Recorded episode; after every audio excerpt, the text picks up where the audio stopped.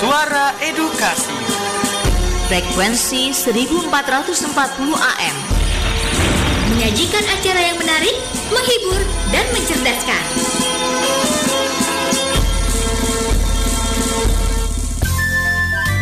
Waktu berputar dan perjalanan peristiwa pun berjalan. Ikuti terus info edukasi, sebuah informasi pendidikan dari Radio Edukasi. Info Edukasi, informasi pendidikan Radio Edukasi. Langsung dari Jalan RE Marta Dinata Ciputat 1440 AM Suara Edukasi Akrab dan Mencerdaskan. Halo, halo, halo. Assalamualaikum warahmatullahi wabarakatuh. Selamat siang. Sahabat Edukasi Agung Ramadi kembali menyapa Menemani sahabat edukasi Sahabat edukasi di luar sana. Yang tentunya di masa pandemi ini dan di bulan suci Ramadan ini kita harus tetap sama-sama taat protokol kesehatan dan juga sama-sama uh, meningkatkan keimanan kita, menjaga kebersihan kita dan banyak aktivitas-aktivitas yang bisa kita awali di aktivitas uh, bulan suci Ramadan ini dengan banyak kebaikan. Dan tentunya info edukasi akan hadir kurang lebih 30 menit ke depan membawakan informasi-informasi terkini terupdate dari dunia pendidikan dan akan menemani sahabat edukasi di siang hari ini. Baiklah, sahabat edukasi kita langsung saja simak informasi yang pertama. Info Informasi pertama tentunya terkait uh, belajar dari rumah melalui TV Edukasi di edisi 19 hingga 23 April 2021 di mana tayangan belajar dari rumah ini bisa dinikmati melalui TV-TV uh, lokal bisa juga melalui jaringan kabel, lalu juga melalui satelit Telkom Merah Putih dengan frekuensi 4125 MHz dan juga melalui kanal-kanal seperti YouTube yang ada dimiliki televisi edukasi dan rumah belajar.kemdikbud.go.id lalu juga melalui video video.com garing at TV Edukasi. Dan untuk jadwal-jadwal tayang di channel TV Edukasi ini tentunya seperti biasa eh, jadwal tayang akan dimulai pukul 8 pagi waktu Indonesia Barat untuk jenjang PAUD hingga 8.30 dan disiarkan ulang di pukul 18.00 uh, hingga 18.30 waktu Indonesia Barat. Dan seterusnya selama uh, dengan uh, uh, 30 menit dengan uh, kisaran waktu 30 menit ke depannya akan ditayangkan perjenjangnya untuk kelas 1 pukul 8.30 hingga pukul 9 pagi waktu Indonesia Barat itu eh, di tayangan paginya dan diputar ulang di pukul 17.30 hingga pukul 18 kelas 2 di pukul 9 hingga pukul 9.30 lalu disiarkan ulang pukul 17 hingga 17.30 dan untuk kelas 3 pukul 9.30 hingga pukul 10 waktu Indonesia Barat dan disiarkan ulang di 16.30 hingga pukul 17 dan di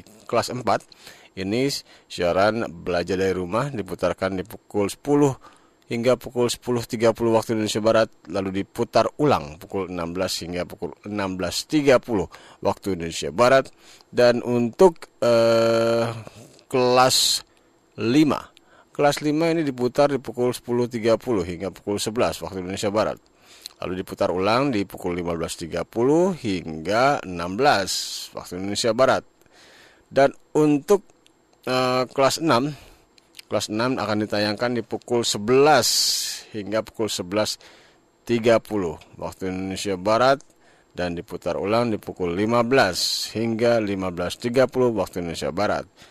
Dan ini semua ditayangkan Senin hingga Jumat di kanal-kanal tadi, di kanal TV Edukasi dan juga di kanal rumah belajar.kemdikbud.go.id itu bisa di saksikan lalu juga bisa di TV-TV lokal seperti Daai TV, TV Kusmarang, Batik TV, Pekalongan TV, Toba TV, UC TV on demand, lalu juga melalui satelit Telkom Merah Putih di frekuensi 4125 dan juga bisa di jaringan kabel atau juga di OTT seperti dari video.com lalu juga dari XL Home Maxstream Telkomsel VOD dan juga bisa melalui mygo.io. Jadi untuk uh, para guru, para siswa yang tetap uh, melakukan pembelajaran di rumah melalui belajar dari rumah di TV Edukasi, kita akan tetap bisa uh, melakukan aktivitas belajar mengajar. Baik, masih ada tentunya informasi-informasi di Info Edukasi. Jangan ke mana-mana, Suara Edukasi akan kembali setelah yang satu ini.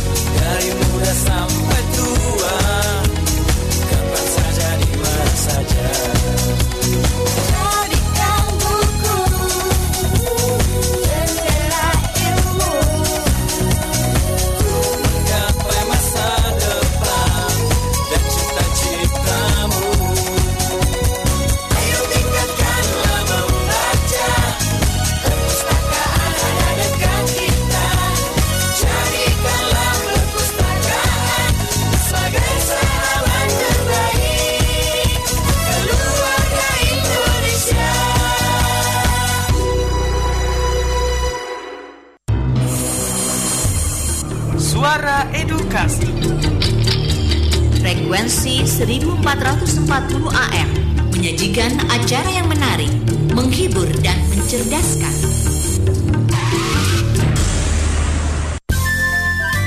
Waktu berputar dan perjalanan peristiwa pun berjalan. Ikuti terus info edukasi, sebuah informasi pendidikan dari Radio Edukasi. Info Edukasi, informasi pendidikan Radio Edukasi. 1440 AM Suara Edukasi Akrab dan Mencerdaskan yang bisa didengarkan di laman suaraedukasi.kemdikbud.go.id atau dengan mengunduh aplikasi bernama TV Edukasi dan uh, klik menu Suara Edukasi maka Suara Edukasi bisa didengarkan 24 jam non-stop asal tentunya sahabat edukasi terhubung dengan pakai data atau juga internet. Baik, kita lanjut untuk informasi Kemendikbud yang mengajukan revisi peraturan pemerintah nomor 57 tahun 2021 di mana sehubungan dengan terbitnya PP nomor 57 tahun 2021 tentang Standar Nasional Pendidikan PPSNNP ini, Kemendikbud menegaskan bahwa Pancasila dan bahasa Indonesia memang selalu dan akan tetap diwajibkan dalam kurikulum.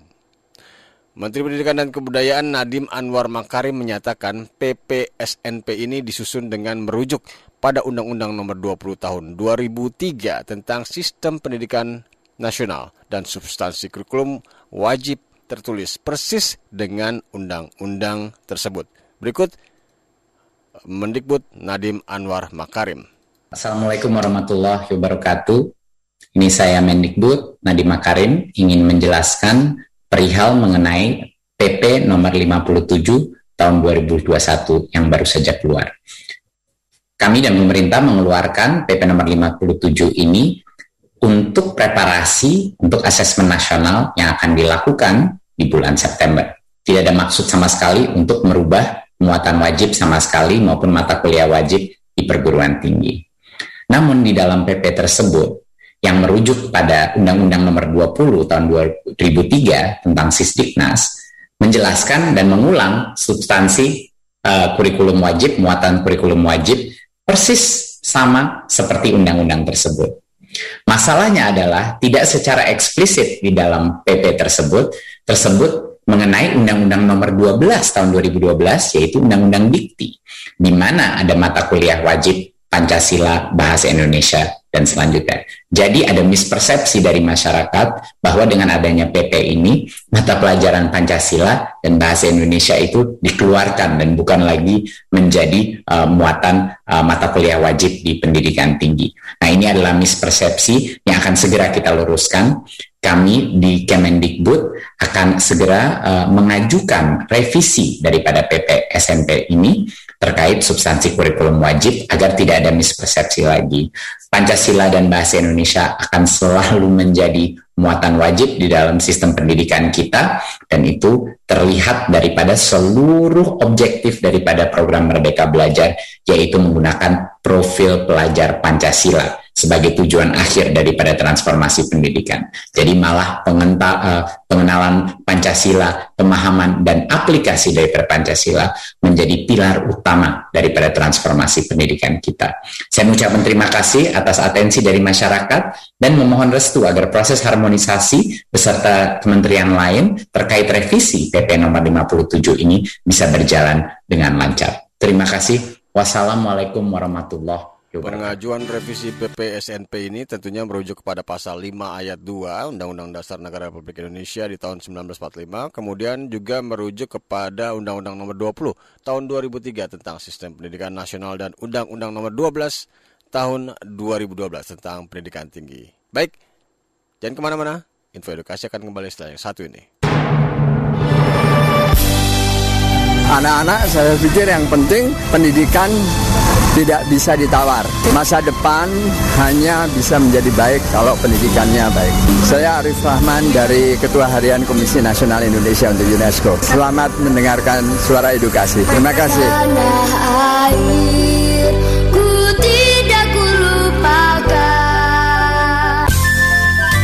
Waktu berputar dan perjalanan peristiwa pun berjalan. Ikuti terus info edukasi, sebuah informasi pendidikan dari Radio Edukasi. Info Edukasi, informasi pendidikan Radio Edukasi. Dari lantai 2 Gedung Geraha Media Pusdatin Kemendikbud dan tentunya disiarkan melalui 1440 AM Baik, kita lanjut untuk informasi Mendikbud yang mendampingi Presiden RI untuk meninjau vaksinasi bagi seniman dan budayawan di 19 April 2021. Tentunya ini dalam rangka pencegahan penyebaran pandemi Coronavirus Disease 2019. Negara tentunya hadir melindungi semua kalangan masyarakat dari penyebaran wabah ini.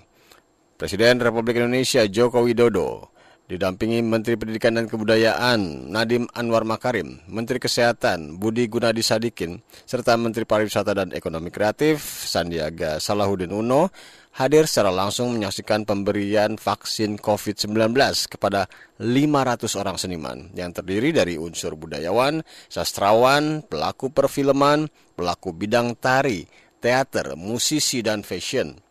Vaksinasi bagi seniman dan budayawan yang berlangsung di Galeri Nasional Indonesia ini merupakan bentuk kepedulian pemerintah untuk menggeliatkan kembali sektor seni dan budaya Indonesia agar segera bangkit dan pulih dari pandemi.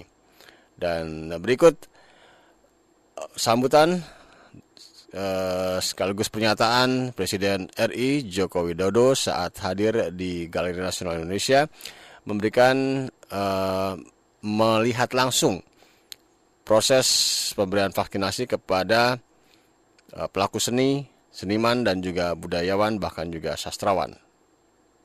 Assalamualaikum warahmatullahi wabarakatuh.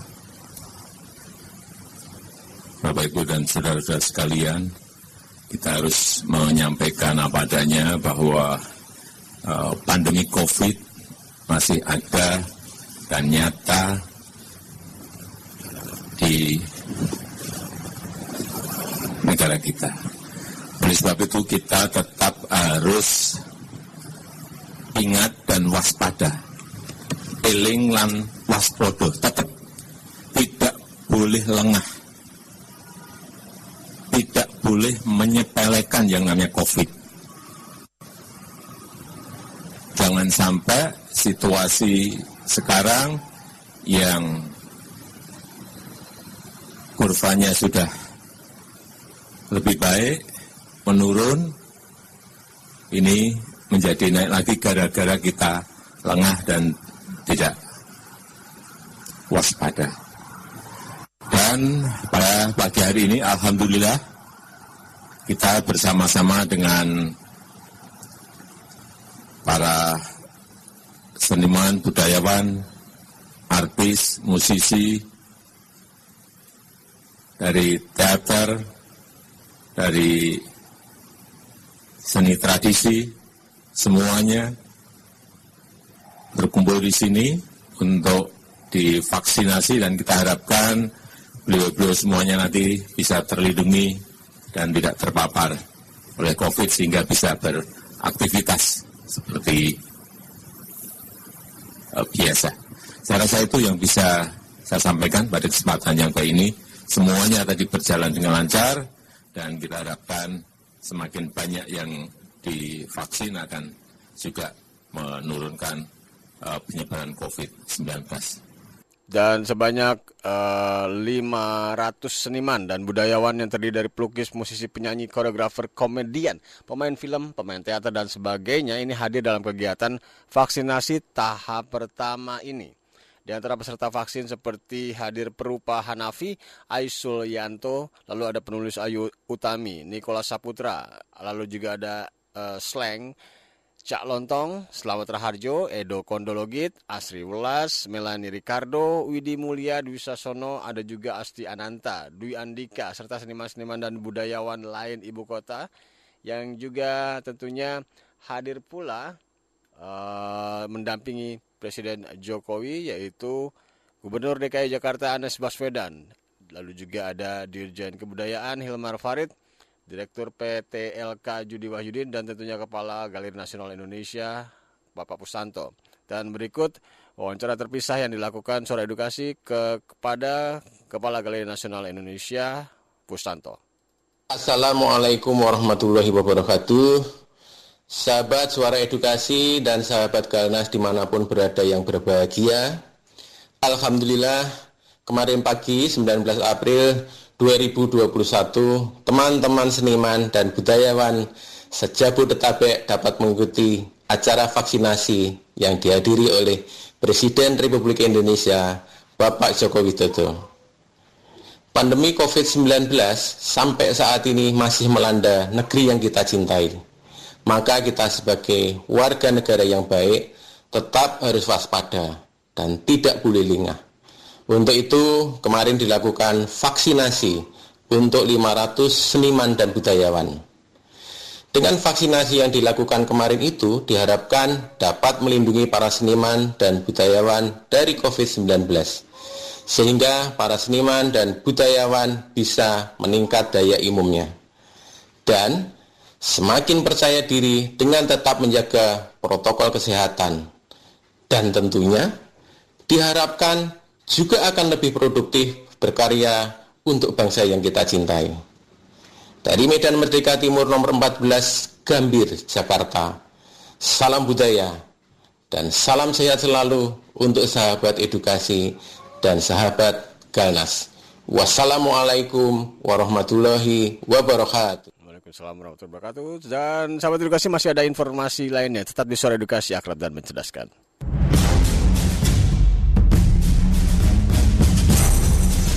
Kesehatan masyarakat adalah yang utama. Oleh sebab itu, kendalikan penyebaran COVID-19 dan obati pasien yang terpapar. Sahabat edukasi, saat ini, seluruh negara berusaha keras terhindar dari coronavirus. Coronavirus merupakan keluarga besar virus yang menyebabkan penyakit pada manusia dan hewan. Pada manusia, biasanya menyebabkan penyakit infeksi saluran pernapasan, mulai flu biasa hingga penyakit yang serius. Seperti MERS dan SARS. Coronavirus jenis baru yang ditemukan pada manusia – Sejak muncul di Wuhan, China pada Desember 2019, kemudian diberi nama SARS-CoV-2, penyebab penyakit coronavirus disease 2019. Pencegahan penyebaran coronavirus. Rajinlah mencuci tangan. Menggunakan hand sanitizer beralkohol, gunakan tisu dan masker bila sedang sakit. Hindari kontak langsung dengan orang yang sakit. Tetap waspada dan tetap sehat. Pesan ini disampaikan Pusdatin Kemendikbud. Mari mendengar sambil belajar bersama kami di Suara Edukasi.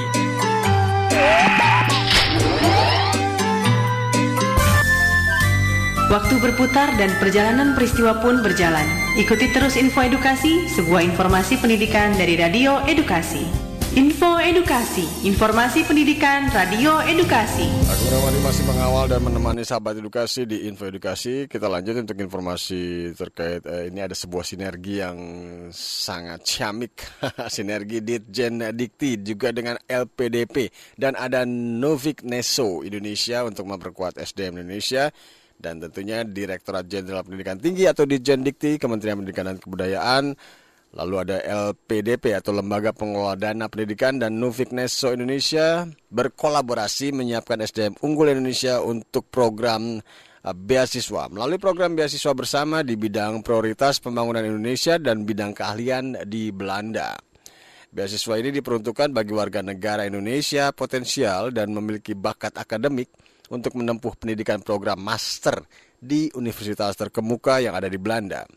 Untuk agenda kerjasama bilateral kedua negara dimaksudkan untuk memberikan kesempatan kepada para penerima program beasiswa dalam melanjutkan studi perguruan tinggi terkemuka yang ada di Belanda di bidang yang berkaitan dengan pengelolaan dan teknologi air, kewirausahaan, berkelanjutan dan ekonomi sirkular yang berfokus di perikanan dan kelautan dan juga ada untuk ilmu dan teknologi perikanan dan kelautan.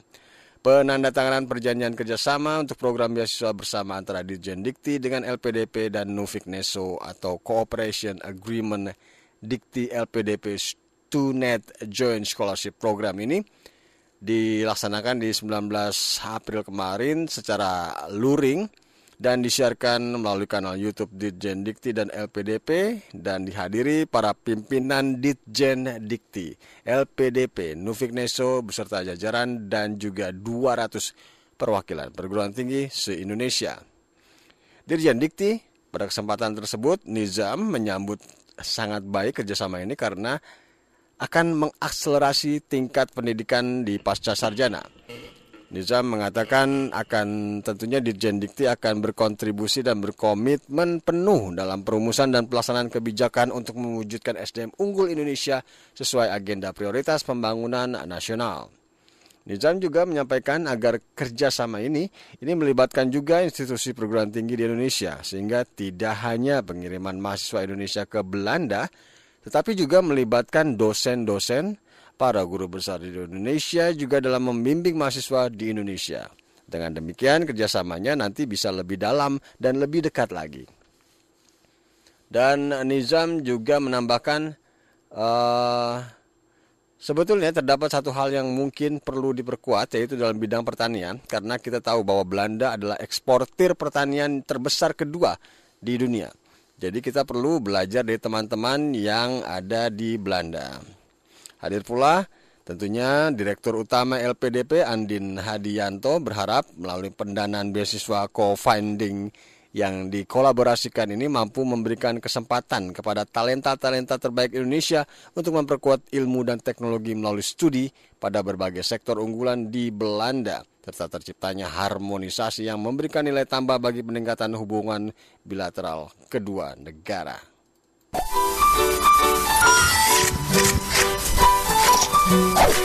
Teknologi berkembang setiap waktu. Apa persiapan kita untuk masa depan anak didik? Mereka lahir pada era teknologi. Sudahkah kita persiapkan diri? Pendidikan 4.0 sambut tantangan baru. Tinggalkan pembelajaran monoton yang membosankan. Memanfaatkan TIK dan inovasi dalam pembelajaran. Teknologi lahir dari pendidikan. Sudah selayaknya kita manfaatkan. Mari kita mulai search Rumah Belajar Kemdikbud.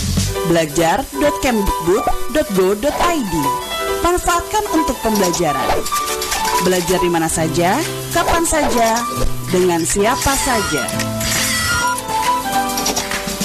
Belajar untuk semua.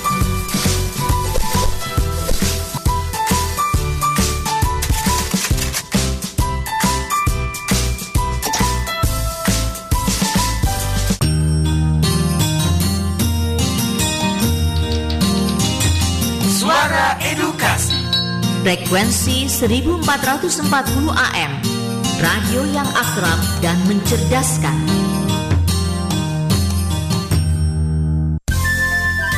Waktu berputar dan perjalanan peristiwa pun berjalan. Ikuti terus info edukasi, sebuah informasi pendidikan dari Radio Edukasi. Info Edukasi, informasi pendidikan Radio Edukasi Kembali di 144 AM Suara Edukasi Akrab dan Mencerdaskan. Kita lanjut untuk informasi dari Dirjen Kebudayaan di mana Dirjen Kebudayaan ini menanggapi tudingan terkait uh, buku yang belum terbit Dan sehubungan dengan beredarnya protes dari kalangan yang menuding Kementerian Pendidikan dan Kebudayaan atas penghilangan jejak tokoh pendiri Nahdlatul Ulama Hadratus Syekh Hashim Ashari dalam Kamus Sejarah Indonesia Jilid 1, Direktur Jenderal Kebudayaan Kemendikbud Hilmar Farid menegaskan, Kemendikbud selalu berefleksi pada sejarah bangsa dan tokoh-tokoh yang ikut membangun Indonesia termasuk Hadratus Syekh Hashim Ashari dalam mengambil kebijakan di bidang pendidikan dan kebudayaan. Hilmar yang uh, akrab juga dikenal tentunya sebagai sejarawan melengkapi pernyataannya dengan fakta. Museum Islam Indonesia Hashim Ashari yang ada di Jombang itu didirikan oleh Kemendikbud bahkan dalam rangka 109 tahun kebangkitan nasional Kemendikbud menerbitkan buku Kiai Haji Hashim Ashari pengabdian seorang kiai untuk negeri. Dan untuk meluruskan tudingan yang dimaksud kalangan tersebut, Hilmar menjelaskan buku Kamus Sejarah Indonesia Jilid 1 tidak pernah diterbitkan secara resmi. Dokumen tidak resmi yang sengaja diedarkan di masyarakat oleh kalangan tertentu merupakan salinan lunak atau soft copy naskah yang masih perlu penyempurnaan. Naskah tersebut tidak pernah dicetak dan diedarkan kepada masyarakat. Dan lebih penting lagi, Hilmar menambahkan naskah buku tersebut disusun di tahun 2017 sebelum periode kepemimpinan Mendikbud Nadim Anwar Makarim dan selama periode kepemimpinan Mendikbud Nadim Anwar Makarim, kegiatan penyempurnaan belum dilakukan dan belum ada rencana penerbitan naskah tersebut. Dan Keterlibatan publik memang menjadi faktor penting yang akan selalu dijaga oleh segenap unsur di lingkungan Kemendikbud dan Hilmar kembali menegaskan bahwa tidak mungkin Kemendikbud mengesampingkan sejarah bangsa ini apalagi para tokoh dan para penerusnya.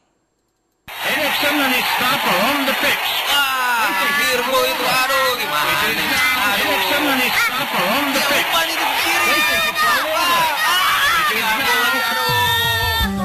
Ya iklan deh. Kak Agung, kakak tahu nggak sih Piala Dunia pertama itu kapan? Memangnya kenapa? Gak apa-apa, aku penasaran aja. Sejak aku kecil, sudah ada pertandingan sepak bola. Tetapi, sampai sekarang aku belum tahu Piala Dunia ini kapan diadakan pertama kali.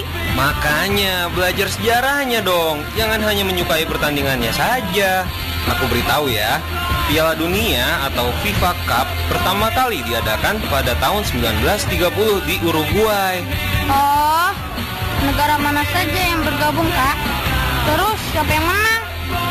Negara yang bergabung saat itu adalah Belgia, Prancis, Rumania, Yugoslavia, Meksiko, Amerika Serikat, Argentina, Paraguay, dan tentunya Uruguay sendiri. Yang menang adalah sang tuan rumah yaitu Uruguay setelah mengalahkan Argentina dengan skor 4-2. Wah, hebat ya kakak. Pengetahuannya luas banget. Iya dong, makanya belajar, jangan main terus.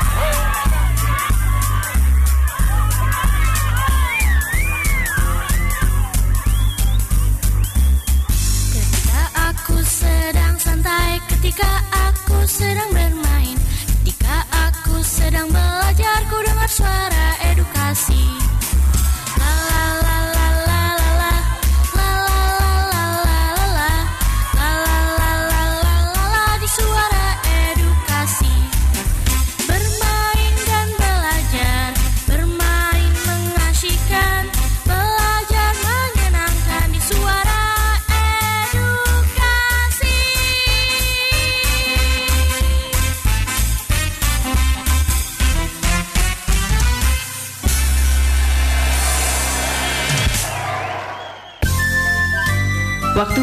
dan perjalanan peristiwa pun berjalan.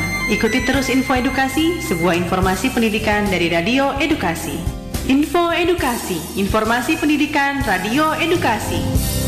Dan disiarkan langsung dari Jalan R.E. Marta di Nata Ciputat 1440 AM Suara Edukasi Akrab dan Mencerdaskan. Kita tutup kebersamaan kita di Info Edukasi hari ini dengan satu informasi menarik tentang Lomba Cerita Budaya Desaku 2021 dan ini juga dilaksanakan atau di diselenggarakan oleh Direktorat Pengembangan dan Pemanfaatan Kebudayaan, Direktorat Jenderal Kebudayaan hadir kembali dengan Lomba Cerita Budaya Desaku Jilid 2 dan silakan segera daftar di laman desabudaya.kemdikbud.go.id garing 2021 di mana desa adalah menjadi asal muasal peradaban Nusantara dan Indonesia.